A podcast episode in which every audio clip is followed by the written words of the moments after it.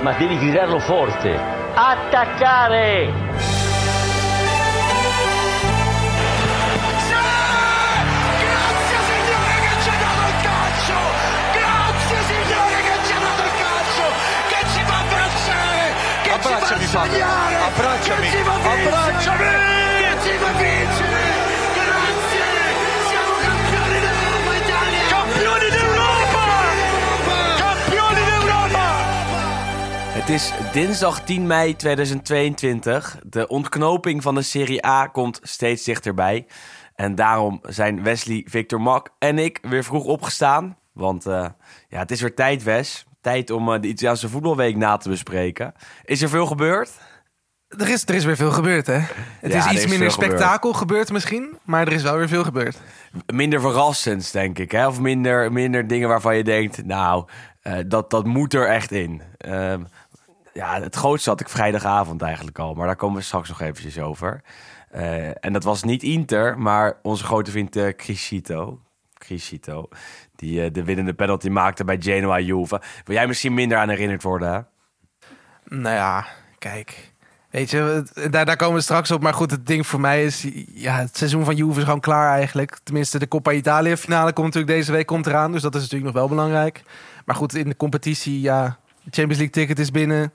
En of je nou derde of vierde wordt, maakt eigenlijk Nee. niet heel veel uit. Want goed, het scheelt misschien 3 miljoen euro in, in prijzengeld of zo. Dus ja, dat ze dan verliezen in de laatste minuut bij Genoa is gewoon stom. Maar ik heb daar veel, veel minder een kater van, denk ik, dan als het echt nog in volle strijd ergens om was. Nee, precies, Dus ja. precies. Als je, als je, en en dan was het waarschijnlijk ook niet gebeurd. Dus zo kijk je er dan ook weer naar, denk ik. Ja, absoluut, absoluut. Dat had ik ook wel bij Inter. Als ze dan op een gegeven moment uit waren gespeeld en op een achtste plek stonden of zo. En als ze dan met 5-2 verloren van, of 2-5 van Udinese. Dan is het alsnog gênant en vervelend. Maar niet zo gênant als eh, dat je nog ergens om speelt, eh, zeg maar. Ehm, dat komt langs, de winnen van Crisito. We kijken nog eventjes naar eh, de strijd tegen degradatie. Maar zoals de afgelopen weken eh, eh, telkens beginnen we natuurlijk bij die titelstrijd. Die gaat tussen Inter en Milan. Milan op pole position natuurlijk. Ook voorafgaand aan dit weekend. Zouden op bezoek gaan bij hun eh, angstgegner Verona, waar ze in eh, 1973 en 1990 de titel verspeelden. Maar eerst was het vrijdagavond de beurt aan Inter, dat eh, thuis speelde tegen Empoli. Empoli, een paar weken geleden gewonnen van, eh, van eh, Napoli natuurlijk, met eh 3-2. Eh, dat was voor Napoli de definitieve genadeklap in de strijd om die Scudetto. En het leek er even op dat ze dat bij Inter ook gingen doen, hè Wes? Ja, het was, het was weer verrassend eigenlijk. Hè? Want je wist natuurlijk dat dit... Ja, Inter en Juve speelden eerder dan eh, de rest van de clubs eigenlijk dit weekend... vanwege die Coppa Italia finale. Dus je weet dan ook, er zit gelijk vroeg druk op. Ja. Eh, en zeker ook omdat normaal gezien was het volgens mij vaak... dat, dat AC Milan eerst speelde en daarna Inter pas. Eh, maar goed, ja, nu mocht Inter natuurlijk al vroeg even dus een klein beetje die druk opvoeren. En dan sta je na, wat was het, 20 minuten? ja. met met 2-0 Oh. achter in eigen huis. Nou, na een kleine half uur inderdaad. En dat eerste half uur was ook echt super slecht. In de zin dat heel San Siro was uitverkocht. Best wel bizar voor een wedstrijd die eh, om eh, eh, kwart voor zeven werd afgetrapt op een vrijdagavond. Ik bedoel, dan moet je toch wel snel weg zien te komen van je werk. Heel San Siro was al gevuld. Eh, en heel San Siro zag dat Empoli het eerste half uur gewoon echt een stuk beter was. Ehm, Inter viel aan, maar Empoli eh, kon het wedstrijdplan veel beter uitvoeren. Kon namelijk heel goed counteren. Scoorde zelfs drie keer. Eén goal werd nog afgekeurd eh, vanwege buitenspel. Ehm, maar het stond dus 0-2 door Pinamonti, die voor het eerst scoorde tegen Inter. Is ook nog steeds van Inter zelf, wordt namelijk gehuurd door Empoli. En door Aslani, die wegkroop uit de rug van de Vrij. Eh, en hem eh, makkelijk en knap achter Handanovic legde. En dan denk je wel dat het echt voorbij is, eerlijk gezegd. Dat je, dat je, dan, kijk je ernaar en dan denk je, nou, het einde van de Scudetto-strijd. Met nog een paar wedstrijden te gaan. Eh thuisverlies van Empoli zou wel typisch zijn geweest, denk ik.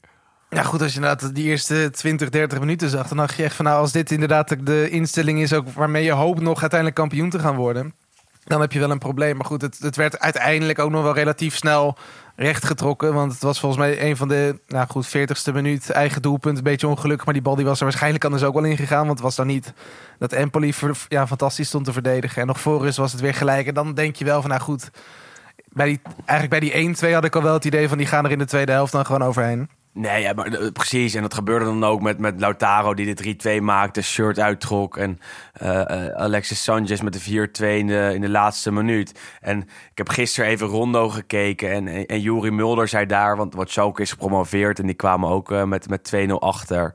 Uh, en wonnen nog met, met 3-2. Dat er als er uh, snel na rust of, of snel na zo'n 0-2 achterstand doelpunt wordt gemaakt. Dat er dan in het stadion een soort gevoel wordt gecreëerd. We, gaan het nog doen. Het gaat nog lukken. En uh, dat herkende ik wel in de zin dat dat bij Inter ook het geval was. die Marco gaf voor bij de 1-2. En die werd dus nog in eigen doel gewerkt door Romagnoli.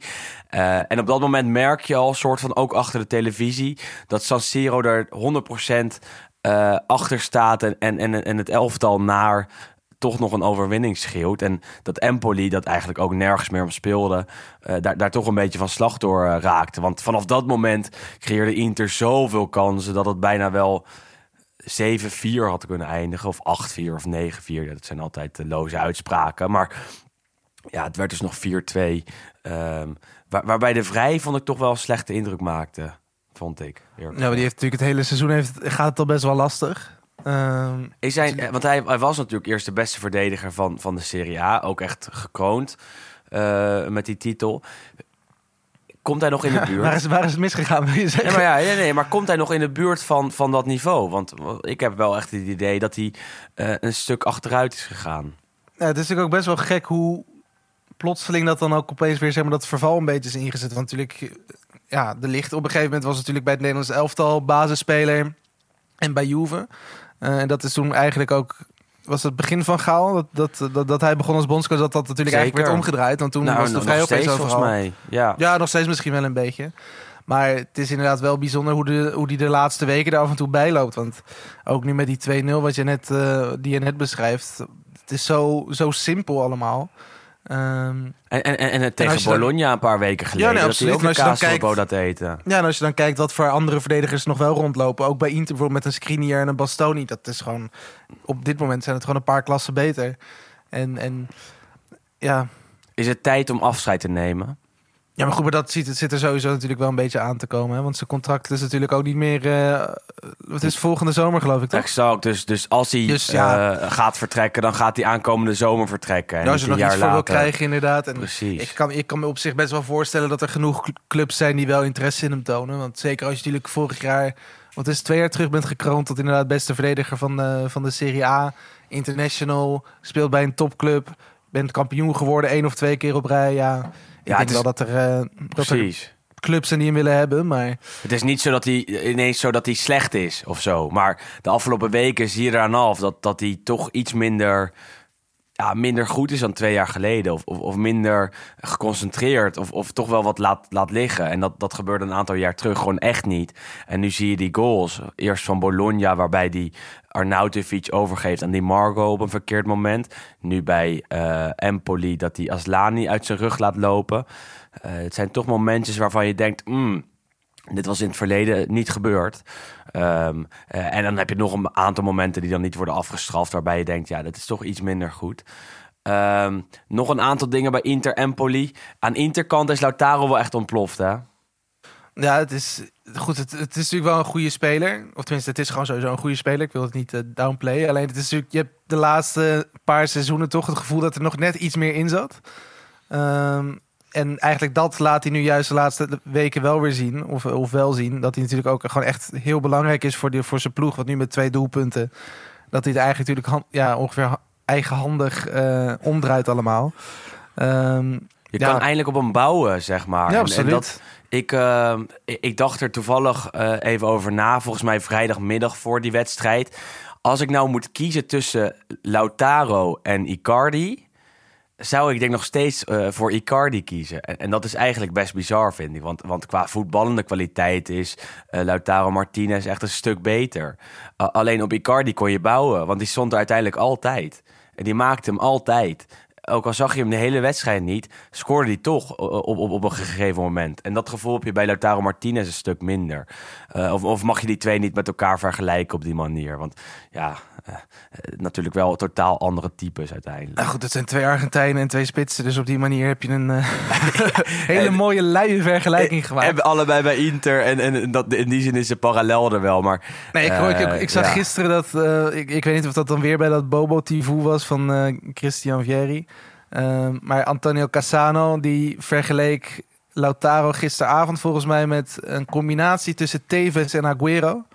Ja. Dat lijkt me dan iets meer qua type wat Zeker. meer dat soort. Maar goed, ja, ik denk nog steeds dat hij daar nog wel een, een stuk van, uh, van verwijderd nee, is. Nee, dat maar... denk ik ook. Uh, absoluut. TV zijn ook alweer twee van de beste uh, spitsen die we hebben gezien de afgelopen tien jaar. op, op Europees gebied zelfs, denk ik. en wat TV's betreft, zeker op, op Italiaans voetbalgebied. Um, en, maar Icardi hoort daar ook, denk ik. En, en, en Lautaro komt daar misschien uiteindelijk ook in de buurt. Of, of, of is daar nu al. Uh, en dan gaan we zien met wie er volgend jaar een spitse koppel gaat vormen. Want misschien is dat wel Paulo Dybala. Uh, misschien ook niet. We weten het niet. We gaan het zien. Um, en nog even over Empoli. Fantastisch voetballend. Ik, ik vond dat echt zo indrukwekkend dat uh, zij bij die eerste goal van Pinamonti vanuit een eigen 16 konden opbouwen. Uh, konden kaatsen, konden tikken. De bal wordt diep gestuurd. Wordt voorgegeven en Pinamonti sluit hem fantastisch in. Uh, en, en, ik was daar zo van onder de indruk. En ik heb ze wel een paar keer gezien dit jaar. Telkens zijn ze voetballend goed. Maar de uh, technische uh, kwaliteit spat er echt vanaf. En ja, wat dat betreft echt wel een lading interessante spelers bij Empoli dit jaar, vind ik. Uh, kreeg, je, kreeg je alweer een beetje het, het Italiaans benauwd uh, vanwege de vorige keer dat Empoli die kant, uh, die kant nou, maar toen was het, wat was het? Toen was het 3-2 of zo? Wat, dat was toen nee, ook een vrij doelpuntrijke Was het 2-1 en, en ook het was eigenlijk eenzelfde soort wedstrijd waarbij Empoli een stukje beter was voor een deel van de wedstrijd, heel veel kansen creëerde en, en toen stond de drukker op een andere manier op, want dat was de laatste wedstrijd van het seizoen. Empoli kon nog degraderen, degradeerde uiteindelijk ook, moest eigenlijk winnen. Uh, en, en, daar gingen ze ook echt voor. En ook toen hadden ze hele goede uh, technische spelers. Ik bedoel, Traoré, Caputo, Benacer, uh, Krunic. Uh, Krunic speelde toen, dacht ik niet. Maar dat waren wel stuk voor stuk spelers die, die technisch er doorheen konden voetballen. En daar bij topclubs het in Italië vaak lastig mee. En dat zag je nu ook weer, dat Empoli qua scouting het echt goed in orde heeft. Want als je kijkt naar een basiselftal, denk ik dat er heel veel spelers niet overblijven aankomend, uh, aankomende zomer. En er komt uh, seizoen niet meer zitten. Want uh, Parisi is een hele goede linksback. Uh, Aslani uh, wordt genoemd bij heel veel clubs. Maakte nu een mooie goal. Pinamonti is natuurlijk gehuurd. Gaat een stapje hoger opzetten. Bayrami. Uh, ook net zo'n speler die technisch heel goed is. En zeker bij andere teams mee kan. Dus wat dat betreft gaat Empoli denk ik aankomende zomer wel, wel leeglopen. Um, en ze deden het goed. Alleen uh, jammer voor hen dat ze, dat ze toch verloren. Ook jammer voor uh, Milan. Want zij dachten, nou, 0-2 voor Empoli op bezoek bij Inter. Dan uh, kunnen we de champagne alvast koud zetten. En zijn we binnenkort wel kampioen. Nou ja, dat is misschien nog steeds zo. Gingen op bezoek bij hun uh, angstkekener Verona, zoals eerder gezegd. Er was heel veel aandacht voor in de aanloop naar die wedstrijd. Fatal Verona. Van Basten en Gullit hebben daar in 1990 nog de titel verspeeld. Uh, dit keer kwam het uh, niet zo ver. Ook al kwamen ze met 1-0 achter door Faraoni. Milan bleef rustig. Had daarvoor al een keer gescoord met Onali. Scoorde daarna nog twee keer met Onali. En zelfs een derde goal uh, werd eraan toegevoegd door Florenzi. heel erg volwassen, Wes. Echt heel erg volwassen, deze overwinning. Ja, en ik vind het vooral heel bijzonder dat Tonali nu opeens de laatste weken zo belangrijk is. Want dat is natuurlijk eigenlijk... Uh, nou goed, in de Serie B bij Brescia was natuurlijk God die als groot talent. Uh, toen naar Milan gegaan, toen toch eigenlijk best wel een verloren seizoen gespeeld mm -hmm. eigenlijk. En nu ja, dit seizoen... niet dus eigenlijk. Ja, nou goed, kijk, goed, ja. hij heeft de ervaring opgedaan. Ja, maar het was voetballend, was het dan niet per se heel goed. Volgens mij 0 assists, 0, 0 goals toen. Um, ja, en goed, in dit seizoen, hij heeft natuurlijk die winnende gemaakt in de ja, slotfase tegen Lazio. En nu keert hij nou, niet eigenhandig, want het was ook grotendeels te danken aan Rafael Leao, die denk ik 80% van het werk deed. Ik wilde je net vragen. Hij, hij, staat er wel gewoon weer twee keer ja. om die bal binnen te glijden. Ja, ik, het, het is ontzettend knap. En het is juist denk ik heel mooi dat hij nu ook een soort ja, een goalgetter begint te worden. Want als hij dat nog eens toevoegt aan zijn spel, ook een beetje die output, dan is het denk ik echt een van de beste middenvelders van Italië. Hij stond hoger op het veld, hè? Normaal toch iets meer eh, als een eh mezzala. Nu denk ik iets meer als een trequartista. Even met Italiaanse termen gooien. nee hoor, iets meer, iets meer eh, als, een, als een soort valse nummer 10 geposteerd. En dat resulteerde erin dat hij wel drie keer voor het doel kwam eh, en dus drie keer scoorde. Ook al werd de eerste afgekeurd vanwege buitenspel. Maar dat was wel een mooi foefje van, eh, van Pioli, waardoor het middenveld van Verona het echt enorm lastig had. En dat zag je ook wel tijdens de hele wedstrijd. Dat het hele veld soms open lag. eh, ze niet een blok eh, konden vormen, wat ze normaal wel lukt. Eh, waardoor Leao ook heel veel ruimte kreeg. En als je Leao ruimte geeft tegenwoordig... Dan, dan perst je er wel wat uit, hè? Want eh, hoe, hoe goed was dit weer? Is ja, het- goed, bij die, die actie bij die eerste goal was natuurlijk echt heel lekker. Waar natuurlijk echt Ja. zeg maar, zijn techniek nog heel erg erbij komt. En, en de passeerbeweging. En die tweede is die gewoon veel sneller dan ieder, ja, alle Ja. andere gasten op het veld. En dan sprint hij gewoon iedereen eruit en dan geeft hij hem voor. Hoe goed is Leao nou? Ja, ja Echt een moeilijke vraag. Vind ik. Kijk, aan het begin hij, van hij is heel goed. Alleen het is wel, ja, het is meer denk ik een moeilijke vraag van hoe hoog is het plafond. Want je moet op Ja. een gegeven moment, als je echt in de top top wil spelen, dan moet je natuurlijk dit ook gewoon vast kunnen houden. En Maar stel je bent dit is pas het eerste seizoen dat hij dat doet. Stel je bent PSG of je bent een, een Premier League team. Eh, of je bent, ehm, nou, Real Madrid misschien een beetje overdreven. Kan ook nog. En je kijkt en je ziet deze Leao de hele Serie A op zijn gat leggen. Ben je dan geïnteresseerd of wacht je dan nog een jaar? Nou, ik zou, ik, dit, dit zou wel het seizoen zijn dat ik zou zeggen als, als bestuurder van een topclub van nou, ik zou het nu wel aandurven. Want het is wel, hij heeft de laatste, nou, wat is het, de twee seizoenen daarvoor heeft hij natuurlijk ook doelpunten gemaakt en wat assists gegeven, alleen veel minder. Alleen je zag wel dat het erin zat. Denk ik, want de acties zijn er wel vaak geweest. Alleen gewoon een beetje de, ja, wat wij natuurlijk in het begin van het seizoen zeiden, de, de output en ook een beetje de, ehm, ja, koelbloedigheid. Want hij speelde eigenlijk vroeger altijd een beetje met oogkleppen op. Heel En veel dat- rook en, dat- weinig dat is nu vuur, veranderd. zeg maar. Ja, dat Toch? is nu veranderd. en het, ik denk ja. dat dat ook wel echt de stap is die hij moest maken. En ik denk dat hij dit seizoen eh, gigantische stappen heeft, eh, heeft gemaakt wat dat betreft. Ja, hij is efficiënt. En, en dat was hij nooit. En dat was mijn kritiek ook altijd. Dat hij wel een actie in huis had en dat hij vaak in de gevaarlijke posities kwam. Maar vervolgens nooit een assist of doelpunten afleverde. En tegenwoordig is hij eh, op dat gebied de belangrijkste man van, van, van Milan. Tien doelpunten, zeven assists in de Serie A. En dat kan nog veel meer worden. Sterker nog, dat moet veel meer worden, denk ik, om nog beslissender te zijn. Maar zeker de laatste fase van het seizoen is hij, is hij weer fantastisch. En ehm, de Scudetto-man, of, want wat, ik, ik dacht er dus ook even over na tijdens die wedstrijd. Ik heb het er ook wel eens met vrienden over, over Italiaans voetbal. Eh, dat zal je verbazen of niet. Wat? Eh, en die zeggen, nou, het is toch wel bizar dat dit Milan kampioen kan worden. Want als je naar de spelers kijkt, is er niemand die echt fantastisch is. Is er geen sterspeler? Is er geen eh, absolute wereldtopper? Eh, van wie is deze Scudetto dan? Is het de Scudetto van Tonali? De Scudetto van Leao? De Scudetto van Magnan? Of, of de Scudetto van Pioli misschien wel? Of, of, of, of eh, van de selectie? Ja, ik denk vooral dat het een beetje een collectieve, ja, collectief kampioenschap zou kunnen worden. Ehm, want ja, ik- vorige keer was natuurlijk, wat was het, een kijkersvraag geloof ik, die toen zei van waar moeten we dit mee vergelijken met een Leicester of zo. Ja, Maar goed, dat was natuurlijk wel heel erg, eh, ja, kort door de bocht. Maar ik zat er natuurlijk van de week nog even over na te denken. En het voelt voor mij zo wat meer als dat seizoen dat Feyenoord kampioen werd in de Eredivisie. Dat Ja. ook niet per se iemand had die er echt bovenuit stak. Goed, Dirk Kuyt was er toen en die was goed. Maar het zat ook veel op de op, bank. op retour. Ehm, maar het was meer gewoon dat iedereen, eigenlijk alle spelers in de selectie, gewoon boven zichzelf uitstegen dat seizoen. Ehm, en ik denk dat dat bij Milan, ik denk dat dat een, een wat verdere eh, ja, vergelijking is. Want je hebt wel het gevoel met Leao en nu zeker de laatste weken met Tonali en wat je zegt, Menja, die punten pakken voor ze. Maar Mhm.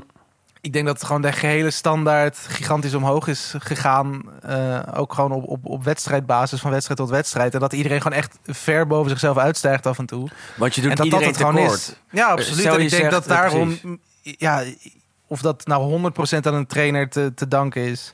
Dat is misschien ook wat lastig te zeggen, maar ik denk zeker dat het een collectieve Scudetto zou kunnen worden. Ik vind het een goede vergelijking hoor. Want je, je doet iedereen tekort. Stel je zegt dat Tonali de man is die de Scudetto heeft gegeven aan Milan.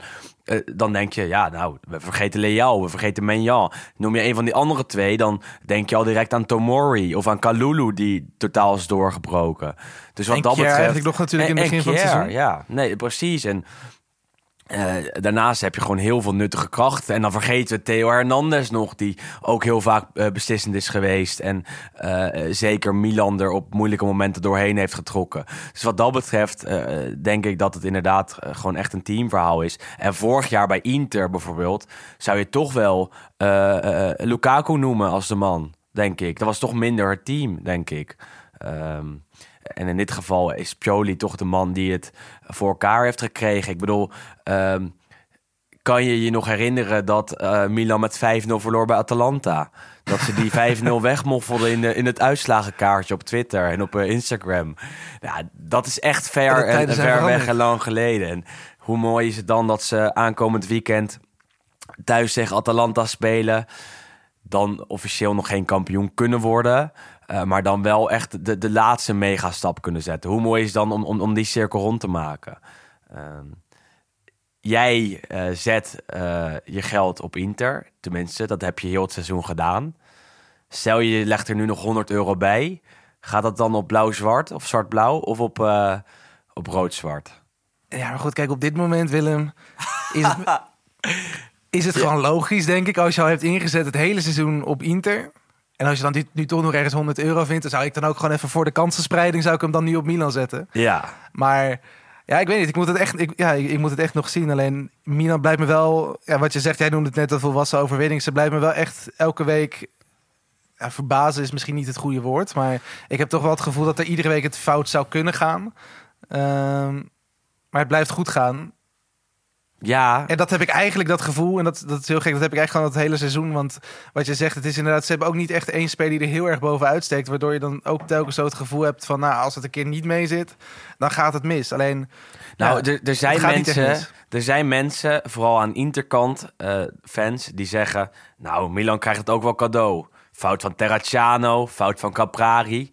Maar dat is toch helemaal niet het geval. Ik bedoel, ze zijn elke week beter dan de tegenstander. En elke week is eigenlijk wachten op die winnende goal. Tegen Fiorentina was dat zeker het geval. Nu tegen Verona was Milan ook veel beter. Had ik persoonlijk niet verwacht eh, dat ze zo makkelijk zouden winnen. Gebeurde wel. Eh, waardoor mijn hoop ehm, wel echt heel erg is geslonken weer. Ook al ben ik altijd pessimistisch. Ehm, ja, nou ja, kijk. Hebt Atalanta is ook niet goed in vorm. En, en Sassuolo speelt nergens meer voor. Plus, eh, in Italië gaat onderling resultaat voor op doelsaldo. Eh, dat Milan nog een keer gelijk mag spelen. Dan op gelijke hoogte eindigt met Inter bijvoorbeeld. Als Inter twee keer zou winnen. Eh, uit bij Cagliari en thuis tegen Sampdoria. Nou ja, stel ze eindigen allebei op 86 punten. Nee, dat kan niet. Op, op 84 punten. Dan, dan wordt Milan kampioen. Ja, goed, dat, is natuurlijk inderdaad wel, ja, nee, dat is inderdaad wel het nadeel. Wat, ze moeten gewoon verliezen eigenlijk een keer. Of twee keer gelijk spelen. En goed, en dat is natuurlijk wel... ehm, Dat is Radu, hè? Onwaarschijnlijk. Dat is het, dat is het moment dat Radu... dat Als, je, als dat gebeurt, dan eh, eh, wordt het moment van Radu bij eh, Bologna-Inter nog heel vaak aangehaald... als het moment waarop Inter de Scudetto verspeelde. Dat is natuurlijk niet, niet het enige moment. Maar dat kan wel worden aangehaald als het absolute moment... waarbij het eh, totaal mis is gegaan voor de Nerazzurri. En waarbij... ehm, nou ja, je moet het ook niet te veel van Milan wegtrekken. Want zij worden straks kampioen eh, als ze het worden. En dat hebben ze fantastisch zelf voor elkaar gekregen met goed beleid. En eh, dit is echt de, de, de, straks de Scudetto van het beleid. En niet de Scudetto van de, van de sterren. Wat we, wat we ook al een paar keer hebben gezet, gezegd. Ja, het, we zeiden het vorige week. Slecht voor het hart. Voor jou wat minder, dat- hè? Ja, goed, kijk, ik denk dat dit, en dat is natuurlijk, het, dat zeggen we ook al een tijd. Maar ja, het is ge- gevoelsmatig is dit de spannendste Serie A die ik heb gezien. In ieder geval bewust heb meegemaakt. Omdat er, nou goed, het is dan dat die top 4 bekend is. Maar dat is letterlijk het enige wat bekend is. Want Mhm. alles staat zo dicht bij elkaar. Nu die titelstrijd natuurlijk met twee ploegen nog. Nou, we gaan straks naar de degradatiestrijd. Waarop dit weekend ook iedereen weer wint. Met gekke wedstrijden en late comebacks. Europees voetbal, wat dankzij Fiorentina Roma gisteren praktisch allemaal weer binnen drie punten van elkaar staat. Dus ja, het is het, het is ongelooflijk. voor de neutrale kijker. En ik heb dan als goed met Juve, wat ik net zeg, die zeg gewoon gevoelsmatig uitgespeeld. Eh, ja, kan je ook gewoon veel meer genieten van de rest van de competitie. En het is gewoon zo spannend overal. Dat, ja, voor de neutrale kijker is het denk ik gewoon top. En zeker als je dan weer ziet dat, dat Bayern München alweer drie weken kampioen is. En Paris die staat volgens mij al sinds december eh, met, een, met een sterretje. eh, Dit hebben we echt zo de- lang Ja, gehad. nee, ja, dat- dat- dat is natuurlijk ook met die negen jaar Juve Ja. Dat je de, de verrassingsfactor misschien ook een beetje bent gaan missen in de competitie. En dan was natuurlijk ook heel veel seizoenen dat natuurlijk de nummer 20 en de nummer 19, die waren ook in, oh, ja, Mhm. halverwege november waren die bekend bijna.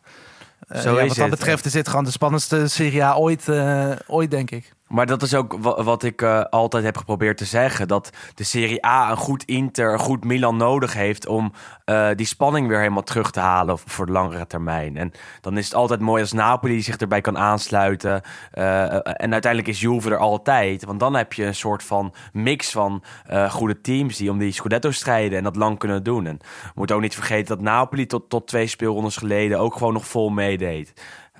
Dus dat maakt het prachtig.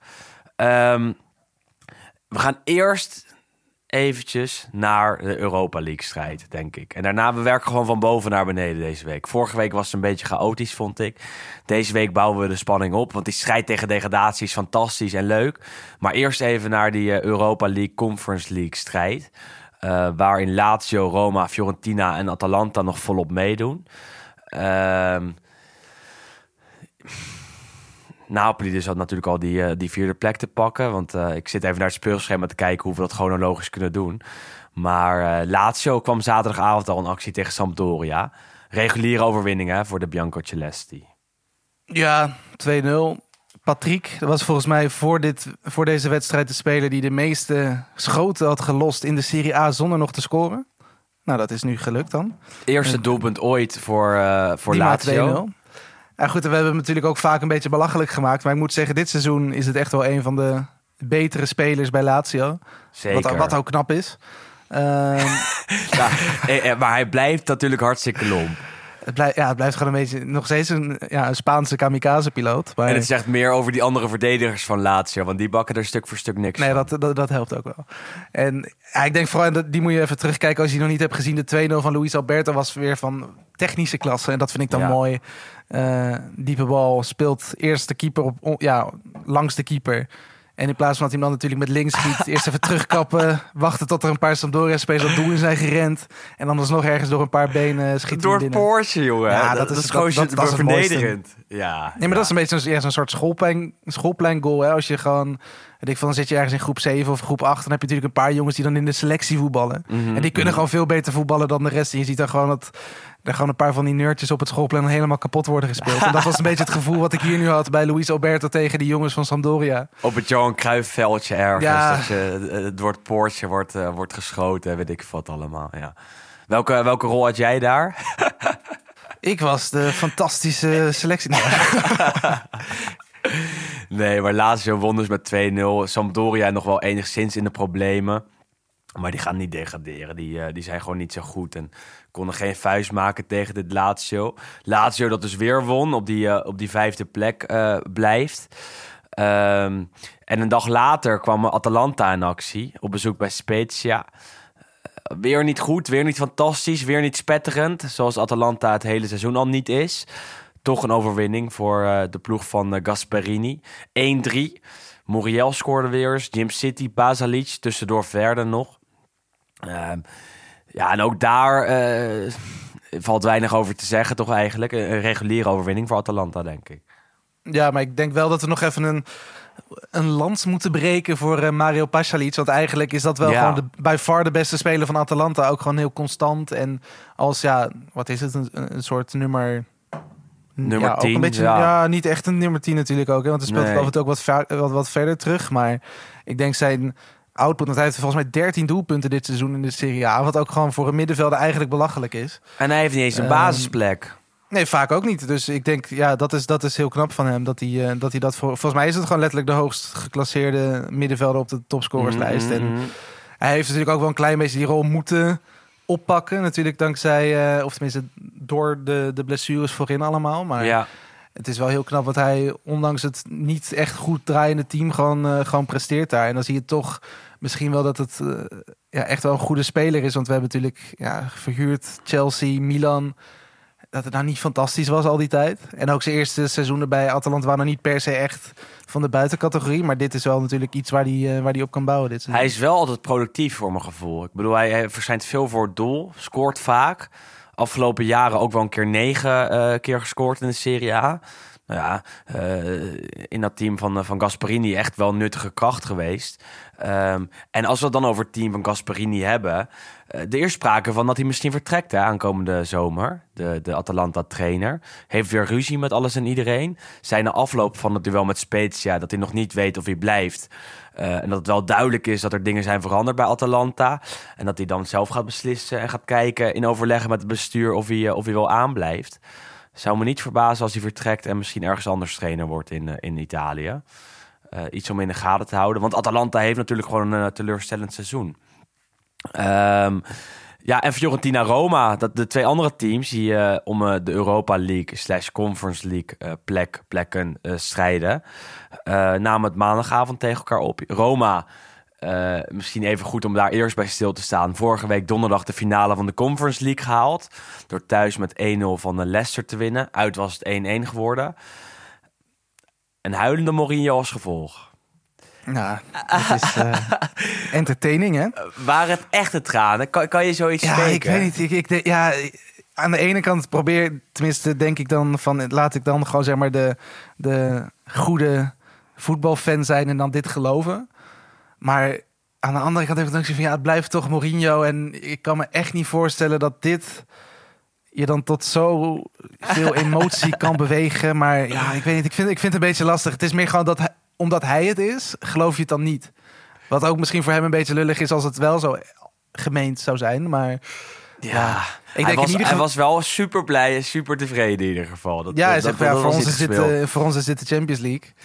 Ja, ja goed, Ik kijk, me- ik denk dat het ik- vooral heel knap is, of tenminste mooi is in ieder geval, dat er weer een Italiaanse ploeg in de finale staat. Want Inter was natuurlijk de laatste toen tegen, wat was het, Sevilla Europa League 2018? Negen- 19? eh, 19 denk ik, ja. 19? 19. Nee, Ehm, 20 zelfs. Oh, het was natuurlijk die corona was 20, ja. ja. Ja, goed, kijk, het is, dat is sowieso mooi dat er in ieder geval weer een Italiaanse ploeg kans maakt. Maar ja, in de competitie, laatste wedstrijden ook best wel ja, een vrije val is misschien wat overdreven, maar toch vier wedstrijden op rij niet gewonnen, denk ik nu. Mhm. Ehm, sowieso het hele seizoen wisselvallig. Dus aan de andere kant, het is ook niet dat Feyenoord. En we gaan daar waarschijnlijk nog wel een, een, een mooie aflevering over maken. Maar het is echt niet Die dat kans zij laten we niet zijn. liggen natuurlijk. ja, kom op. Eh, De finale tegen een Italiaans team, dan moeten we er zijn. Ja, maar ik snap wel dat Mourinho emotioneel wordt door Rome en door Roma. Want ik denk dat dat, dat wel een van de meest levendige teams van Italië is. Eh, zeker na Napoli. Maar stel je komt eh, bij Roma terecht eh, en je doet het goed... dan word je op handen gedragen door de fans. Dan rijden de scootertjes mee naar het Olympico... Eh, dan Tegen een je- autootje aan. tegen een autootje, ja, ja. En dan zie je de, de, de, wat, wat Mourinho zelf ook zei: de vrouwen op het balkon staan eh, die eh, naar je zwaaien. Ehm, dan zie je dat er fans je opwachten bij het stadion. Dan merk je dat de sfeer in het Olympico fantastisch is. Dan merk je dat het stadion is uitverkocht met 70.000 plekken die bezet zijn door Romanisti. Dan zie je dat eh, eh, ook een trainer als Ranieri eh, fantastisch wordt toegejuicht. Zowel door de Roma-aanhang als de Leicester-aanhang. Dan snap ik wel dat als jij trainer van Roma bent... dat jij super geëmotioneerd bent als het goed gaat... en als je dit allemaal ziet gebeuren voor je ogen. Dus ja... dat absoluut. betreft, Kijk, goed, ja, dat, dat begrijp ik alleen. Ja, het blijft Mourinho, hè? En je weet dat dat gewoon natuurlijk is een zo. acteur is. En dat, en dat is hij natuurlijk en ook, dat, is, 100%. en dat is wat ik zeg, ook gewoon een beetje lullig misschien voor hem. Juist als hij het wel had gemeend. Dat gaan ook heel veel mensen het niet serieus nemen. Is zo, is zo, is zo. En, en terecht ook, want wat wij de afgelopen twintig jaar van Morillo hebben gezien, eh, dat, dat, dat is eh, voor de helft toneelspel geweest. Eh, in dit geval heb ik er iets twijfels bij. Aan de andere kant zou me niet verbazen als hij dat faked en snel de catacombe inrent. En ja, hij wil zo graag geliefd zijn, ook daar. En dat, dat, dat merk je dus wel.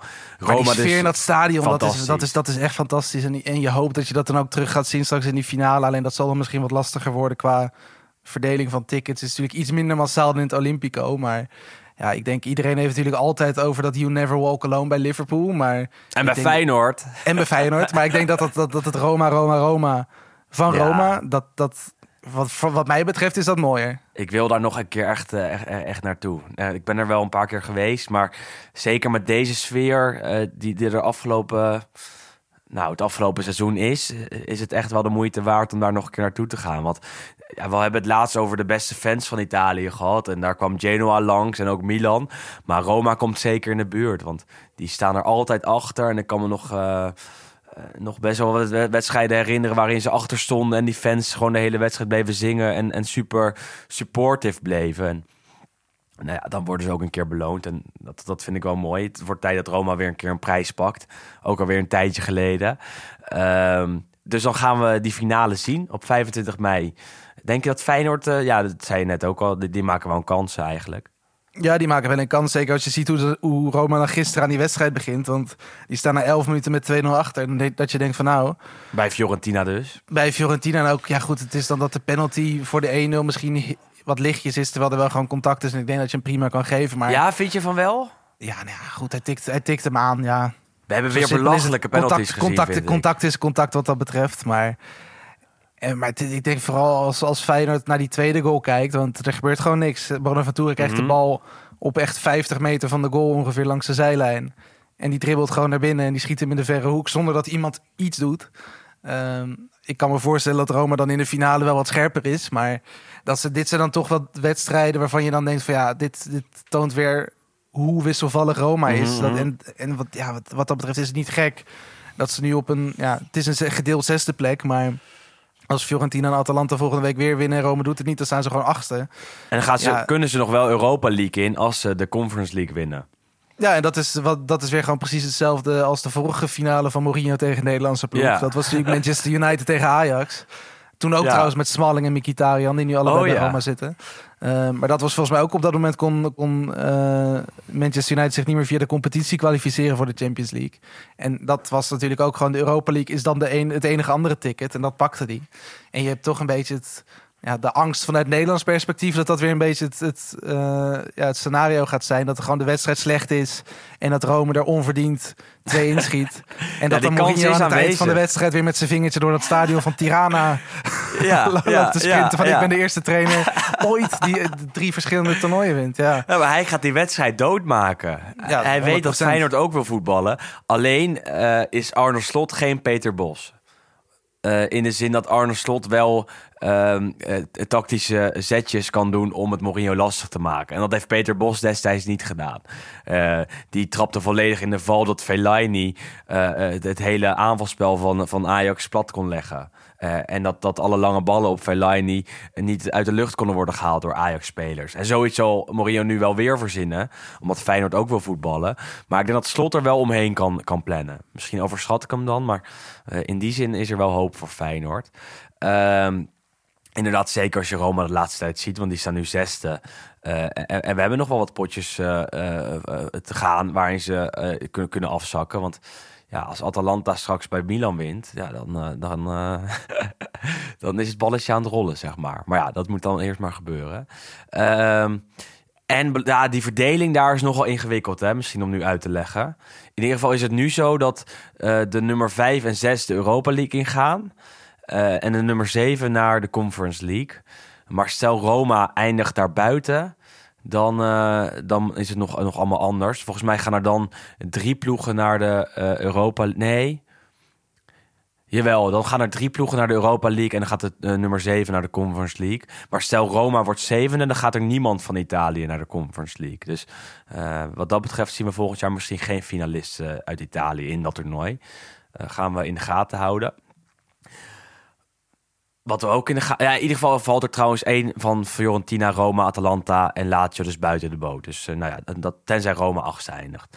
Wat een, wat een verhaal altijd. Hè? Dat, eh, ik, dat ik is- dacht, ik laat jou gewoon lekker sukkelen Ja. hiermee. Want Maar ik me hier heel wijselijk bij. Nee, dit, dit is het wel echt. Maar in, in België is het allemaal nog ingewikkelder. Dus alle Belgische luisteraars die, die herkennen dit wel. Die denken, oh ja, zo gaat het dus in Italië.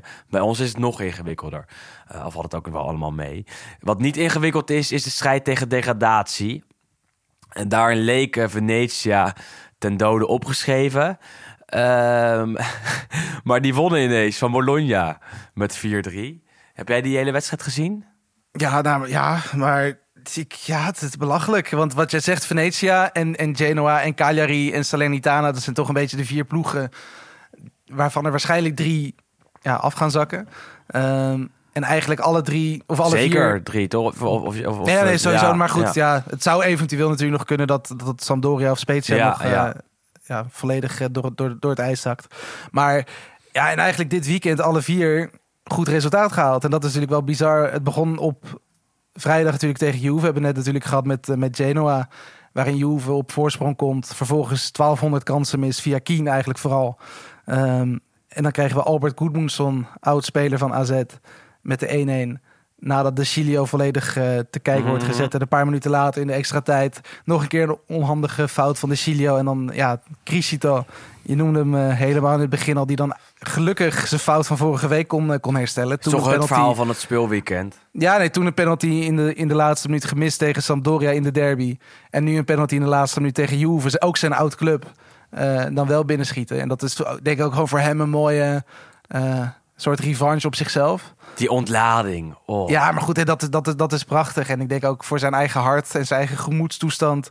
eh, is het goed dat hij deze dan in ieder geval binnenschiet. Want anders dan blijft het echt een soort litteken... als je, eh, als je echt zo bijna eigenhandig je ploeg de Serie B inwerkt. Als hij deze ook had gemist. Ja, dat was Ja, maar dan, dan heb je dus, dus, dus echt ballen, hè? Ik bedoel, goed, dat hij er sowieso achter gaat staan hè. is natuurlijk Dat bedoel knap. ik. Ja. Ja, dat, dat, dat je die weken voor zo'n belangrijke pingel hebt gemist. En dat je dan gewoon op die, eh, die vrijdag later toch weer achter de bal gaat staan. In dezelfde minuut. Misschien voor een nog belangrijkere pingel.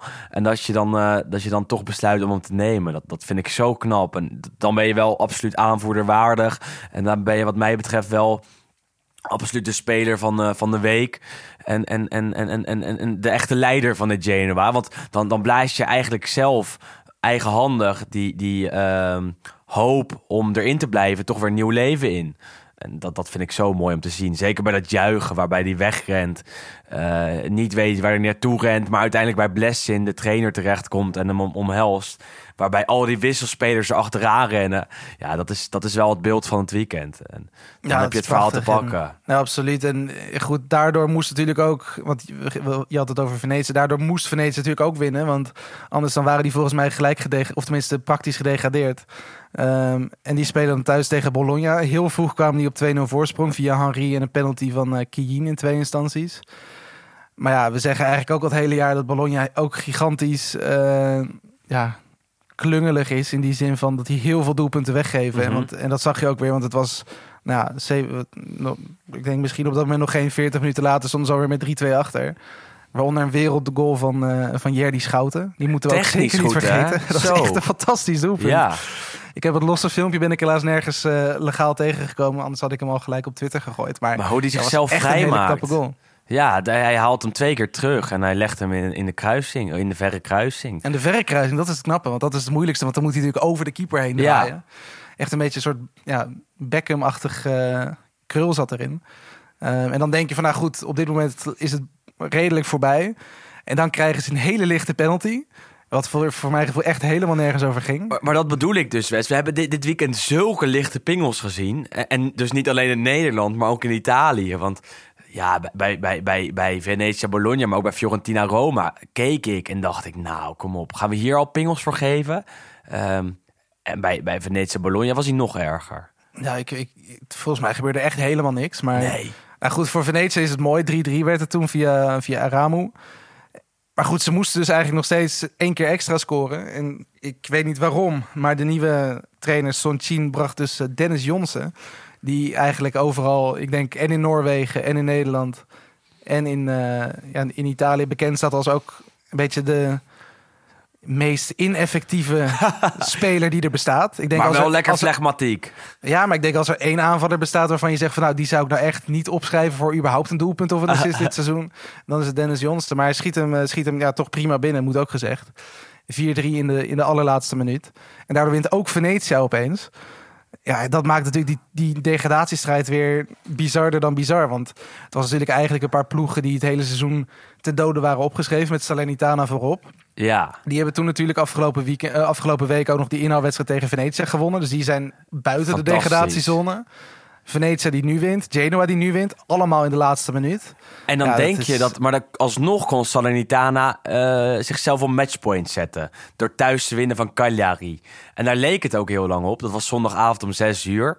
Eh Salernitana namelijk met 1-0 voor door een penalty van Verdi.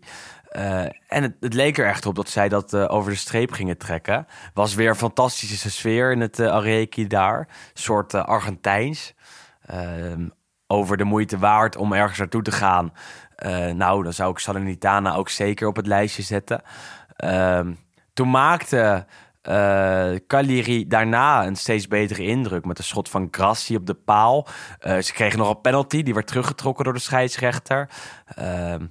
Uiteindelijk kwam er dus, nou, ik denk 10 minuten extra tijd ongeveer. Ja, Omdat... het waren er eerst zes en dat werd toen Ja. volgens mij vervangen door tien. Ja, En toen was het dus in de 98ste minuut geloof ik een corner. En die, absoluut. en die vliegt er dan uiteindelijk via Giorgio Altare, die dit seizoen eh, debuteerde, ook voor Cagliari, een verdediger.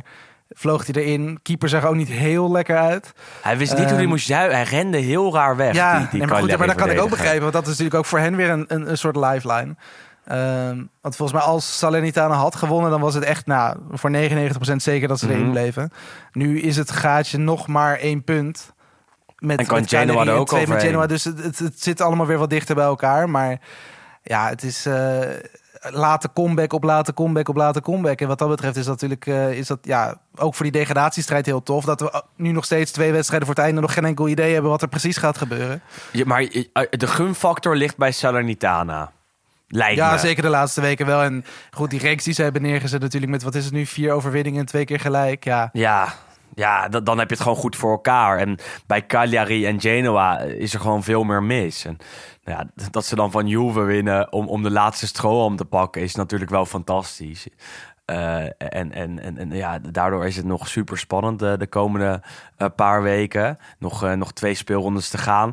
Salernitana aankomend weekend op bezoek bij Empoli. Kunnen ze zomaar winnen weer. Ehm, en dan heb je Genoa bij Napoli. Ooit vriendenclubs. Inmiddels hebben die supportersgroepen toch weer ruzie met elkaar. Denk ik ook niet dat Napoli op het veld eh, wat gaat gunnen aan Genoa. Eh, en dan heb je Cagliari-Inter. Inter dat natuurlijk nog steeds kampioen wil worden, dan moet winnen. Cagliari dat eigenlijk ook moet winnen om weer boven die streep te komen. En in de laatste speelronde gaan die teams waarschijnlijk allemaal tegelijkertijd spelen. Gaat Cagliari naar Venetia. Venetia, ja, ik reken ze nog steeds niet bij eh, de kanshebbers tot handhaving. Maar je weet het nooit. Als zij ook aankomend weekend eh, weten te winnen. En dat moeten ze dan bij Roma doen. Nou ja, dat gaat denk ik niet gebeuren. Laatste speelronde Salernitana, Udinese. Genoa, Bologna. Venetia, Cagliari. Ja, ik, zet mijn geld, ik zet mijn geld op Salernitana. Misschien dat ze nog wel, nog wel vier, vier tot zes punten pakken. En dat gaan Genoa en, eh, en Cagliari allebei niet doen, denk ik. Ja, het is het makkelijkste programma ook omdat zij spelen tegen Empoli en eh Udinese die allebei nergens meer om spelen. Ehm, en je hebt dan toch wel het idee dat als jij dan wel ergens om speelt, dat dat dan makkelijker is om dan nog eh, die punten te pakken. En als je dan inderdaad ziet, Cagliari moet nog tegen Inter, terwijl Inter nog volop in die titelstrijd zit. En tegen Venetia, die natuurlijk allebei daarin zitten. Ja, daar gaan natuurlijk sowieso punten worden verspeeld. Ehm, dus ik zet ook mijn, eh, mijn geld op Salernitana. Dat betekent dan dat eh, David en Nicola naar de pauze mag lopen. Ja, fantastisch. Ja, dat was, dat, dat was weddenschappen van hem Challenge, doen hè? het. eh, ja, vorige keer was het natuurlijk die fietstocht van 1300 kilometer. Nu is het Ja. een, een wandeling van nou, 300, denk ik. Ja. Genieten toch? Wat, eh, wat een legend. Eh, over die Ja, absoluut, verhalen. ja. Maar eh, kijk, die verhalen maken het toch zo mooi allemaal. Zulke soort verhalen, zoals met Crisito, maar ook met Nicola, of Da- David en Nicola, dit, dat hij dat dit belooft en dat hij dan voor elkaar krijgt en naar de pauze loopt. Nou ja, dat zie je gewoon nergens anders, Wes. Dat is, dat is gewoon echt zo. Daarom maken wij deze podcast. Daarom praten we niet alleen maar droog over die wedstrijdjes, maar zijn er altijd leuke verhalen omheen te vertellen. Ehm, ja, die andere potjes die we nog niet gehad hebben. Torino-Napoli 0-1. Doelpunt van Fabian Ruiz, die voor het eerst in drie jaar van binnen de 16 scoorde. Die statistiekjes, hè, Wes, die eh, van jou geleerd. Mooi, hè? Ja, ja. Maar ja, wel mooi vond ik dit. Ik vond ik een mooie. Ik zag het langskomen. Toen dacht ik, oh ja. Daartussen had hij geloof ik iets van negen, negen keer gescoord. En allemaal van buiten de 16. Ehm, en dit keer dus weer de, de, van binnen. Eh Sassuolo Udinese 1-1. Doelpunt van Bram Nuitink. Toch wat Nederlandse goals eh, dit weekend. Skamaka maakte de andere goal. Ehm, prima potje. Eigenlijk eh, ging het nergens meer om daar.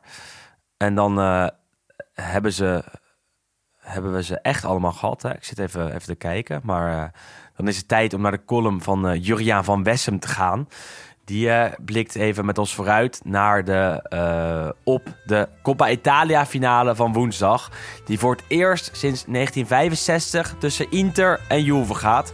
En je hoort het van Jur zelf.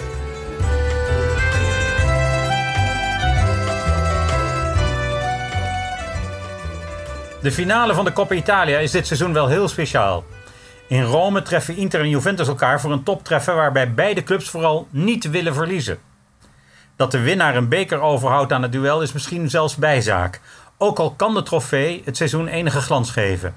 Het is de confrontatie van de twee antagonisten van de afgelopen drie seizoenen, maar ze zitten allebei niet echt lekker in hun vel. Inter vreest dat het zijn vorig jaar gewonnen kampioenschap niet zal prolongeren als gevolg van de blunder van doelman Radu in Bologna. En Juve kan na tien seizoenen weer in zijn jaargang zonder hoofdprijs afsluiten. Daarmee zou er een einde komen aan een tijdperk. Bij winst heeft Max Allegri zijn gezicht wel een beetje gered. En mag Simone Inzaghi zelfs tevreden zijn over zijn debuutjaar bij Inter. Waarin zijn ploeg in de Champions League alleen door de latere finalisten werd uitgeschakeld. En hij dus, net als Roger Schmid, twee hoofdprijzen op de erelijst van de club heeft bijgeschreven. Het wordt voor de derde keer in de geschiedenis van de Coppa Italia een finale tussen deze twee grootmachten. En zelfs ik heb geen herinnering aan die eerste twee finales, want die werden gespeeld in 1959 en 1965. In beide gevallen won Juventus. In 1965 was dat zelfs opmerkelijk, omdat Inter in dat seizoen de Europa Cup en de Scudetto had gewonnen. Maar de Michael Bicu van Juventus heette toen Gianpaolo Menichelli. Hij maakte het enige doelpunt in de finale, die overigens wel in augustus werd gespeeld. Voor Juventus is de Coppa zeker wel een echte prijs die het al 14 keer won. Vooral aan de jaren waarin de ploeg naast de Scudetto greep, bewaart de ploeg goede herinneringen aan de bekerzegers. In 1979, 1983 en 1990 werd de beker met een zekere trots in de lucht gehouden, waarmee een mislukt seizoen toch nog een mooie glans kreeg. Onvergetelijk blijft een treffer van Franco Causio in de 117e minuut in de finale tegen Palermo. En vier jaar later zorgde het koningskoppel Michel Platini en Paolo Rossi voor een overwinning in de finale tegen Verona. En in 1990 zorgde Roberto Gallia voor een daverende zege in San Siro op AC Milan. Dat toen in één week naast de Scudetto inderdaad het tweede Fatal Verona en de Coppa greep. Eigenlijk bevindt Inter zich nu in die situatie. De onzekerheid over de wellicht verspeelde Scudetto kan de ploeg zeker parten spelen. Toen waren de frustraties in het kamp van de Rossoneri niet aan te slepen en ging Dino Zoff als een masterclass coach trots op de schouders. Daarna won Juve de Coppa vooral nog als kampioen en dus met een dubbel tot afgelopen seizoen toen in de finale de ploeg van Andrea Pirlo zowaar Atalanta aftroefde in de eindstrijd en een mislukt seizoen toch nog een beetje kon worden gered. Inter won de Coppa maar zeven keer in 13 finales. De laatste keer tegen Palermo, 11 jaar geleden toen Milan net de Scudetto had gepakt. Samuel Eto'o en Diego Milito zorgden voor de 3-1 zege. Het was de afsluiting van een tijdperk waarin de club ook wereldkampioen was geworden. En de trainer op die avond was Leonardo, voordat we dat zouden vergeten. Maar deze Derby dell'Italia is natuurlijk ook een mooi affiche. En in de laatste finale van de Supercoppa werd al duidelijk dat beide clubs ook in knock-out duels voor spektakel kunnen zorgen. Alexis Sanchez maakte in januari het winnende doelpunt in de verlenging, dat toen uitgebreid werd gevierd. Wie zal dit keer doorslaggevend zijn?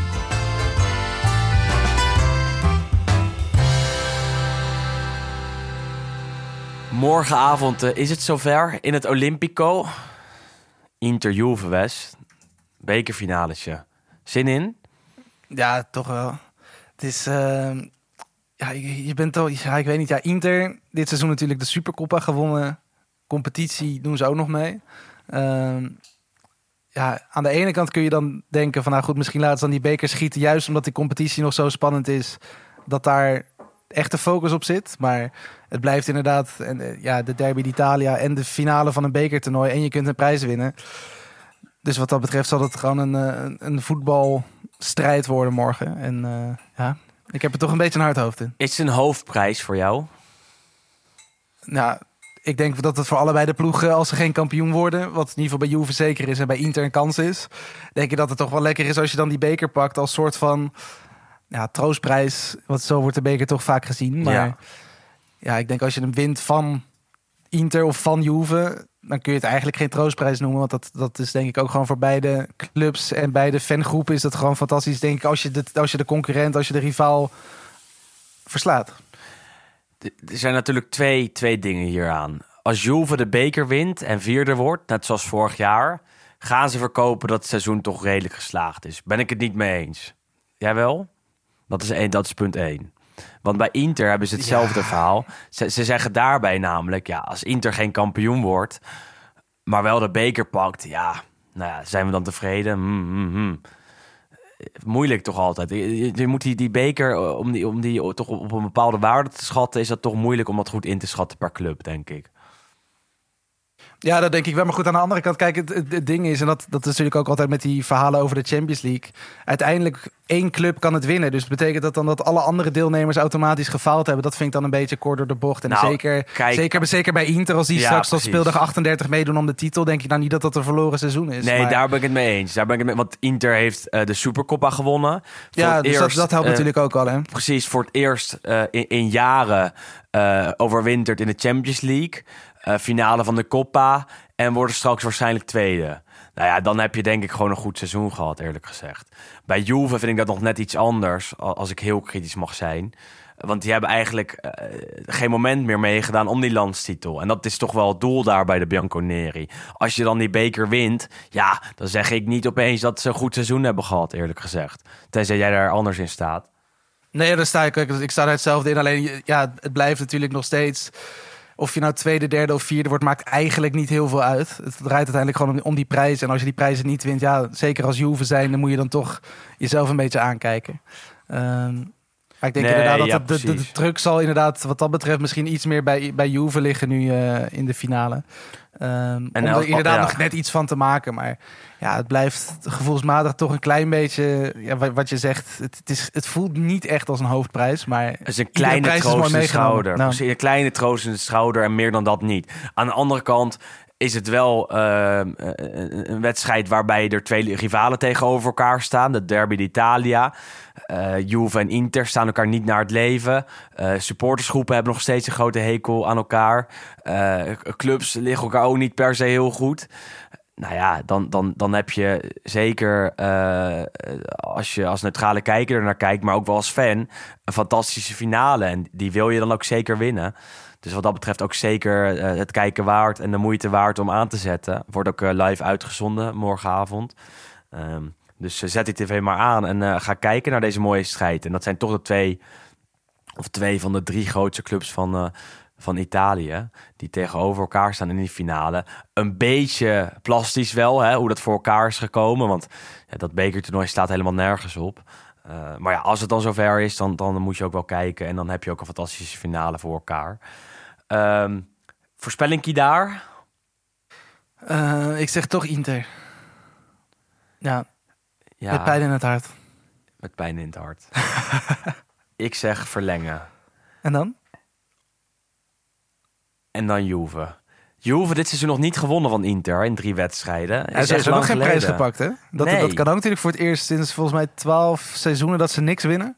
Want ze hebben Ja, altijd nog wel een keer ergens een Coppa ja. Italia of nog ergens een, een Supercoppa.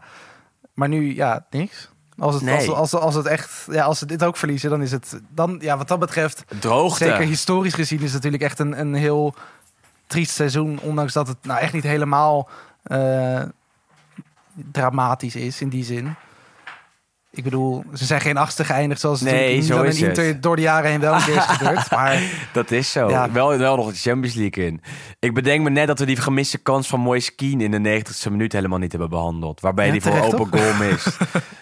Ja, nee, maar het is echt, het is echt ongelooflijk dat zo'n Het is gewoon laks. Ja, maar het is, ja, wat dat betreft, ik denk ook wel dat het, als er echt iets op het spel staat, zal hij hem erin schieten. Maar het feit dat je dit soort kansen kan missen, want ook op het moment dat, dat Geno inderdaad terugkomt met die eh, van 0-1 achter naar 1-1 in de 87 minuut, kan Juve daarna gewoon nog steeds twee of drie keer scoren. Maar ja, niet. Het is, het is, ja, Eens kijken, eens kijken of ze er wel staan morgenavond. Eh, natuurlijk een duel met veel druk erop. Tijd voor de luisteraarsvragen, Wes. Jij eh, Twitter, ik Instagram. Ik heb de Instagram al, eh, al voor mijn neus staan. Ehm, ja, over de Serie B gesproken. Daar was de vraag over. Ja, gaan die teams die, zich, die nu zijn gepromoveerd zich, eh, zich handhaven volgend jaar, denk je? Nou, leuke vraag. Eh, we hebben met Letje en Cremonese de eerste twee van de drie hebben we natuurlijk al. eh, die zijn bekend via de competitie. Letje als kampioen. Ehm, en die hebben eigenlijk natuurlijk twee jaar terug natuurlijk nog in de, in de Serie Ja. A gespeeld. Ehm, en ik denk dat dat sowieso natuurlijk een mooie, ehm, ja, een welkome toevoeging is aan de Serie A. Sowieso weer een zuidelijke ploeg. Dat is altijd fijn. Uit Puglia, Letje, mooie stad, mooi stadion. Het stadio, stadio Via del Mare. Ja, Maar ja, het, is, het, het blijft gewoon, en dat is denk ik het grote probleem wat de Serie A of de Italiaans voetbal in het algemeen een beetje heeft. Dat gewoon het verschil tussen de Serie A en de Serie B best wel groot is. Ehm, dat je eigenlijk ja, 14 van de 18 ploegen in de Serie A weten praktisch voor het seizoen al dat ze veilig zijn. Ehm, en dat is natuurlijk wel, wel wat jammer. En zeker als dan Cremonese als tweede ploeg promoveert direct. Ja, een heel klein clubje, klein stadje, Cremona, 70.000 inwoners. Een beetje het Villarreal van, ja, een beetje het Villarreal van Spanje. Je Dat, waarschijnlijk komen die verhalen bij de commentatoren komend jaar eh, weer heel veel voorbij. Dat het zo'n Mhm. klein, zo'n klein dorp is, wat dan toch in de hoogste divisie speelt. Ja, zeker bij Cremonese denk ik. Want als je nu de, de opstelling zag in hun promotiewedstrijd, zeg maar, was volgens mij zes of zeven spelers van de elf gehuurd van Juve en Atalanta. ja, ik bedoel, dus je hebt niet echt het idee dat daar nou heel veel eigen aanwas of heel veel eigen Nee, ja, dat- se- dat- dat selectie beschikbaar is. En ja, het is dan mooi dat inderdaad op het middenveld Gaetano van Napoli en eh Fagioli van, eh, van Juve het goed doen. En tussen de, eh, tussen de palen staat Carnesecchi, de keeper van, eh, van Atalanta. heel groot ja, talent schijnt dat te zijn. Dat zijn, dat zijn allemaal grote talenten. Die hebben gewoon een heel goed seizoen gedraaid in de Serie B. Maar ja, voor het eerst sinds 1995, 96 dat dat zij in de Serie A gaan spelen. ja volgend goed, dat, maakt, dat maakt het leuk. Maar of het nou inderdaad Vind je het, ploegen het- zijn die ja, zich zouden kunnen handhaven, dat denk ik eigenlijk allebei niet. Want dit, wordt gewoon weer 17, 18, 19, 20 ergens. wel leuk hoor, daar niet van. Ja, absoluut, absoluut. Maar hetzelfde met Venetië. Ik bedoel, het is leuk dat die nu een keer in de Serie A hebben gevoetbald. Maar ja, Ja, die gaan weer eh, troosteloos terug. En misschien volgend jaar komen ze weer naar de Serie A. Maar die blijven dan pingpongen. En, ja, ik kan me niet voorstellen dat Cremonese erin blijft. Maar we gaan het zien. Hebben wel wel een mooi mo- shirt. Ik vind het een, ja, ik vind het een, ik twijfel erover. Ik twijfel of ik hem, of ik hem mooi, mooi is anders, maar Ja. in ieder geval een, nieuwe combinatie. Uniek, En dat is, zo is dat het. sowieso. En ik zag die foto van Vialli. En dat shirt vond ik wel tof. Dus ik hoop Ja, eigenlijk dat ze weer gewoon met dat Grana Padano, met gewoon met die kaas op de borst gaan spelen. Dan, eh, Lekker old school. En dan koop ik een shirtje. Nog één vraagje doen van jou, van, eh, van Twitter. Ehm, even kijken, wat had ik hier nog staan? Ehm. Was iemand sowieso heel blij met het feit dat onderling resultaat boven doelsaldo gaat? Mhm. Wat denk ik ook gewoon wel leuk maakt voor de onderlinge... Ja, maar voor duels. spanning misschien juist wat minder, zou je zeggen, of niet? Ja, goed, nou goed, in Nederland is het doelsaldo beslissend. En Ajax staat er volgens mij op eh 30 dat is goals waar, meer dan ja. PSV. Dus dat is, kan natuurlijk net zo niet spannend zijn. Ja, oké. Ehm, er was een vraag, waarom blijft Rick Karsdorp onderbelicht?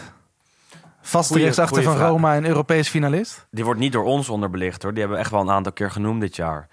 Ja, god. Omdat er wel goede rechtsbacks zijn in Nederland, denk ik. Ik vind dat hij het wel verdient hoor, een keer. Een oproep. Ja, absoluut toch? Ja. Zeker door Van Gaal om even eh, om van dichtbij te zien. En dat is tot nu toe ook helemaal niet gebeurd. Karsdorp echt wel weken, maanden basisspeler bij, bij Roma. En doet het echt vaak heel goed. Veroorzaakte nu dan wel een pingel, heel goedkoop. Maar eh, zeker een speler die zich heeft ontwikkeld de afgelopen jaren. Dus wat dat betreft absoluut interessant om naar te kijken, zou ik zeggen, als je bondscoach bent. Ja, sowieso gek dat hij nog niet eens bij de voorselectie heeft gezeten. Want als je ziet wat voor spelers er wel tussen hebben gezeten... die misschien een minder constant seizoen draaien. Ja. Daarom, ja. Dat was hem, Bes. Dat was hem. Dat was hem. Dat was hem. Dat was de op... eh, Was dat hem? op ja, ik zit even te kijken. Op twee na of drie na laatste aflevering van dit jaar. Want we komen waarschijnlijk nog met een eh, Roma-special. We hebben volgende week nog, de week erna nog de, de nabeschouwing. En dus die Roma-special, dus op drie na. Eh, aftellen. Spannend. Ja, Ja? zeker. Ik bedoel, we gaan het in de gaten houden. Alles nog om voor te strijden. Van de Conference League tot de titel, tot aan de Europa League plekken, tot aan het plekje in de Serie A dat nog over is voor komend jaar. Blijven kijken. Ik zou als ik jullie was ook blijven kijken en ook hopelijk blijven luisteren naar ons. Bedankt aan Friends of Sports en FC Afkikken voor het produceren van deze podcast. Bedankt aan Harmen Ridderbos voor het eh, mixen van eh, het geluid. Doet hij altijd goed. Lijkt net alsof we naast elkaar zitten. Alsof jij hier eh, bij mij aan het bureau bent aangeschoven. Niets is minder waar. Ja, en Wes, jij bedankt. Ja, Willem, jij bedankt. Ja, nee, ja, we zijn er volgende week weer. En eh je luistert natuurlijk ook nog even de Hekkensluiters aflevering met Wes van afgelopen weekend. Dan ben je helemaal up-to-date voor komende, komende week. Ja, Eerst Salernitana kan dan niet, eh, niet meer uit je, uit je kennis verdwijnen. Zo is het. Dus dan, dan ben je in ieder geval helemaal op de hoogte. Hey, bedankt voor het luisteren. Alla prossima. Tot de volgende.